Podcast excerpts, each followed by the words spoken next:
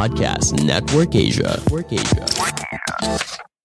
Episode kali ini mengandung penggambaran adegan yang brutal dan juga bertema dewasa. Untuk pendengar yang kurang cocok dengan adegan-adegan seperti ini, harap mendengarkan episode yang lain.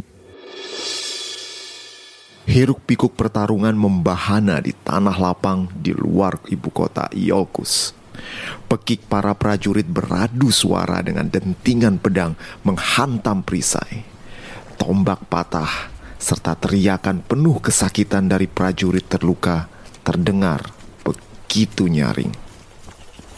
Aura kematian begitu membekap, terasa menyelimuti medan peperangan. Kedua pihak yang bertarung bersikukuh terus meneruskan pertarungan demi supremasi dan hegemoni tertinggi di Iolcus. Ares, sang dewa perang, pasti gembira melihat kekacauan yang ada.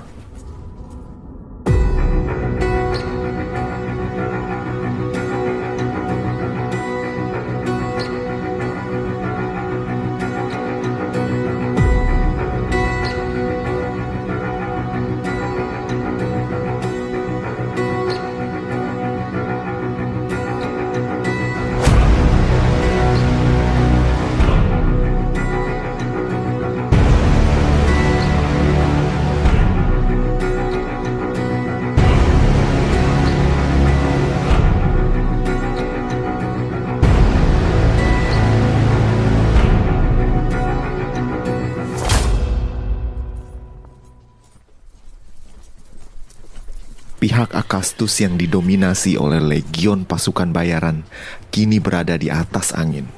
Jumlah mereka yang begitu banyak kini mengepung pasukan aliansi Jason, Peleus, dan Pollux. Formasi phalanx Sparta yang kokoh telah runtuh diterjang hantaman kavaleri Skythia, membuat pasukan aliansi kini terjepit antara menghadapi pasukan barbar Trakia dan kavaleri Skythia sekaligus. Ruang gerak mereka semakin sempit. Serbuan pasukan barbar membuat pasukan aliansi terkurung dan terjepit, tak memiliki banyak ruang untuk bergerak. Jason skuad tenaga berusaha memimpin pasukan Myrmidon di bawah komandonya untuk membabat kepungan musuh, berusaha untuk keluar. Namun jumlah pasukan musuh terlalu banyak. Setiap musuh yang dibantai oleh pasukan Jason malah menjadi penghalang untuk maju melangkah. Akastus mengangkat tangan kanannya dan kemudian mengepalkan tinjunya. Pasukan Skitia dan Trakia mengerti isyarat sang tuan. Musuh harus ditekan dan dimusnahkan. Mereka lalu merangsek maju dan menghimpit pasukan aliansi yang kini bagaikan lingkaran manusia, dikepung oleh lautan musuh dari segala arah. Peleus dan teman-temannya berusaha mendorong musuh mundur. Namun, tenaga dan jumlah mereka kalah oleh lautan musuh yang terus bergerak maju. Peleus yang bersenjatakan tombak dengan kesal mematahkan senjata andalannya demi mempermudah jangkauannya terhadap musuh. Namun, tekanan dan himpitan yang dialaminya menggagalkan rencana apa pun yang dimilikinya. Rekan-rekannya yang lain pun mengalami hal yang sama. Pollux terluka pedang dan tombak kala berada di garis depan pasukan Sparta. Kini ia terhimpit, tak sanggup bahkan untuk mengayunkan pedang. Peleus dengan marah berteriak.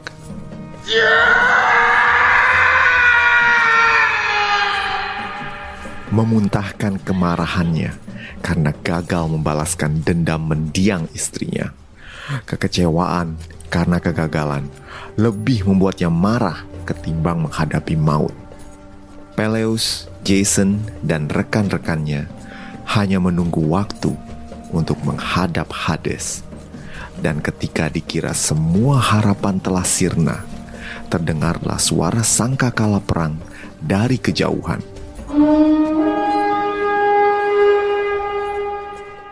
Derap pasukan kuda yang tak terhitung jumlahnya datang dari arah selatan. Pasukan berkuda yang berjumlah besar ini datang dengan formasi anak panah, dan di ujung formasi terdepan, pemimpinnya bersenjatakan tombak besi dan berambut panjang. Jason dari kejauhan mengenali sosok yang kini memimpin serangan terhadap kepungan pasukan Akastus. Piritos? Peleus, si gila dari Lapida datang. Kita selamat. Peleus nyaris tak percaya dengan keberuntungannya. Piritos sang raja Lapida, penguasa kuda-kuda paling tangguh di seluruh Yunani, kini memimpin pasukan untuk menyelamatkannya. Tapi Bagaimana ini bisa terjadi? Belum sempat Peleus berpikir akan jawaban pertanyaannya sendiri. Suara sangka kalah perang terdengar lagi dari arah berlawanan. Satu pasukan berkuda lain bergerak dengan cepat menyerbu langsung ke arah barisan tempat Akastus berada tak sempat kaget dari kehadiran pasukan Piritos, kini Akastus harus berhadapan dengan pasukan berkuda baru yang langsung menyerbunya. Akastus memerintahkan para pelontar batu dari Rhodes untuk melayangkan serangan. Tiap-tiap dari prajurit pelontar mengeluarkan ali-ali mereka, dan bagaikan bermain lato-lato, mereka memutar-mutar senjata untuk membangun momentum serangan. Perisai, siap! Teriak sang komandan pasukan berkuda yang terus maju memimpin serangan formasi. Semua prajurit patuh dan mengangkat perisai kayu bergambar huruf V terbalik. Serangan lontaran batu pertama turun bagaikan hujan batu ke arah mereka. Namun sebagian besar gagal menghantam sasaran dan arah pasukan kuda terus menyerbu tanpa ragu. Akastus melihat bahwa pasukan pelontar dan cadangannya tak akan mampu memperbaiki momentum serangan dan nyalinya pun ciut. Akastus membawa pasukan pribadinya untuk mundur ke dalam kota. Pasukan berkuda misterius itu pun langsung menghajar pasukan pelontar Rhodes yang tak berdaya menghadapi serbuan kavaleri. Begitu batu-batu mereka habis terpakai dan jarak pasukan kuda terlalu dekat, mereka pun berbalik badan berlari dari terjangan pasukan berkuda. Usai membuyarkan pasukan pelontar, pasukan misterius ini pun bergerak membantu memecahkan kepungan pasukan Akastus terhadap pasukan aliansi. Dan kini, situasi berbalik. Pasukan Akastus yang ditinggal oleh pemimpinnya kini kehilangan semangat bertarung. Keganasan pasukan Lapida di bawah pimpinan Piritos meruntuhkan perlawanan para suku-suku Trakia yang tadinya begitu ganas tanpa henti, terjangan kavaleri dan tombak Piritos maju dan mundur menyate para suku barbar yang malang.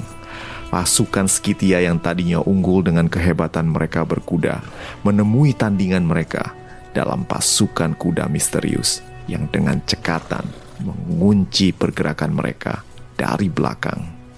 Pasukan Jason Peleus dan Pollux yang tadinya terkunci dalam kepungan pasukan Akastus kini memperoleh ruang gerak dan menerjang keluar ke segala arah, menerobos kepungan. Pasukan bayaran Akastus kocar-kacir melarikan diri dari medan pertempuran. Ironis dengan situasi sejam yang lalu, ketika Jason dan Peleus hampir saja kehilangan nyawa mereka dalam kepungan para pasukan aliansi berkumpul.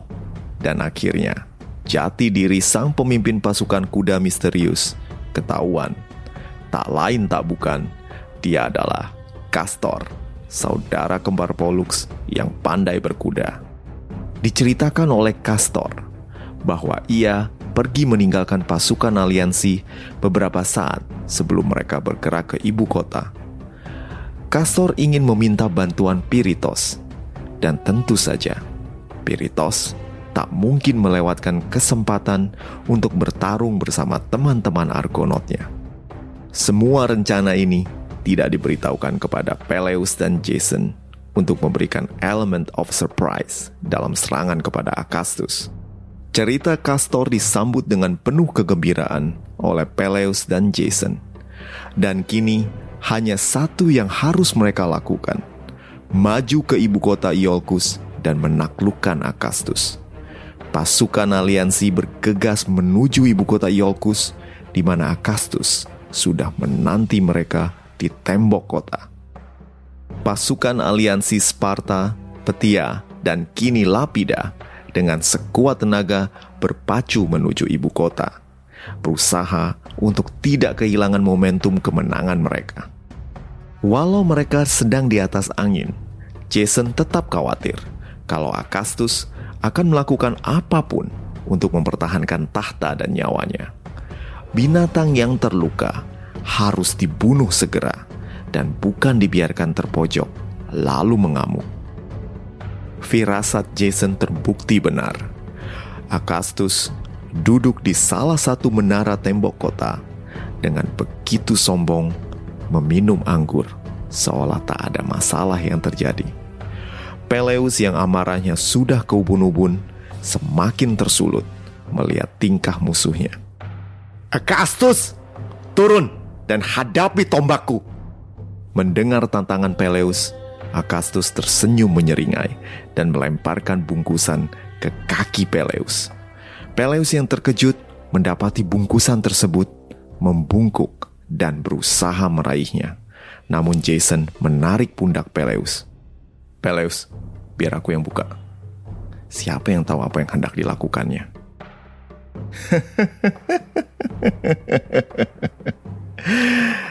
Jangan takut lah. Kan aku cuma kasih kamu hadiah. Hadiah perdamaian untuk kita. Untuk apa sih ribut-ribut? Ayo, ayo buka. Peleus dengan perlahan membuka bungkusan misterius tersebut. Dan begitu bungkusan tersebut terbuka, alangkah kagetnya ia melihat sebuah kepala manusia dengan mata terbelalak melihat langsung ke arahnya. Peleus menjatuhkan kepala yang dikenalnya tersebut. Sang wanita yang telah mengakibatkan kehancuran keluarga Peleus, Astidamia, istri Akastus sendiri. Gimana? Senang dengan kadonya? Dendamu pada istriku sudah kubalas. Anggap saja semua lunas kalian bisa pulang kembali ke kampung halaman kalian dan aku tetap bisa memerintah Iolkus. Atau kalian lebih suka jalan lain? Kau gila, Akastus. Hanya orang gila yang membunuh istrinya sendiri. Jangan kira kami akan membiarkan orang gila seperti kamu memerintah Iolkus. Peleus murka Emosinya semakin meluap melihat bagaimana Akasus membunuh istrinya sendiri untuk drama tak berakal ini. Memang, Astidamia adalah dalang di balik kematian istri Peleus, namun memenggalnya dan melemparkannya dengan dalil hadiah perdamaian. Hal ini tidak bisa diterima secara moral atau adat Yunani kuno saat itu. Peleus, Jason, Piritos, dan semua prajurit aliansi bersiap untuk menyerang. Melihat tawaran perdamaiannya ditolak oleh Peleus, Akastus pun memberikan sinyal kepada para prajuritnya. Dan seketika, di berbagai penjuru ibu kota Iolcus, api menyebar. Diawali dari terbakarnya perumahan penduduk yang padat, lalu bangunan istana, dan berbagai bangunan kayu yang lain. Akastus yang tahu dirinya tak akan bisa menang melawan para pahlawan Argonaut memutuskan untuk menjalankan strategi bumi hangus. Jika aku tak bisa menguasai Iolcus, maka Iolcus akan kuberikan kepadamu dalam abu dan api. Burn them all! Para penduduk yang terjebak dalam api berlarian berusaha keluar dari ibu kota. Namun seluruh gerbang dikunci dan tak bisa dibuka. Kepanikan melanda dan banyak rakyat tak berdosa terinjak-injak dan terbakar dalam kekacauan yang ada. Pasukan aliansi yang berada di luar tak mampu masuk karena terhalang oleh tembok yang kuat. Api semakin membara dan Akastus pun berlalu dari tembok istana berusaha melarikan diri dalam kekacauan. Nah, bagaimanakah akhir dari pertempuran di Iolcus? Akankah Akasus lolos dari Iolcus atau gugur di tangan para Argonaut? Semua akan gue ceritain di akhir dari seri petualangan Jason minggu depan. Sebelum kita bubaran, gue mau ngucapin terima kasih buat para pendengar yang udah dukung gue di podcast Mitologi Santuy. Nabe yang udah traktir gue di laman traktir Mitologi Santuy. Terima kasih ya. Semoga selalu bisa nemenin lu berangkat ke kantor. Anyway, udah dulu ya. See you and ciao.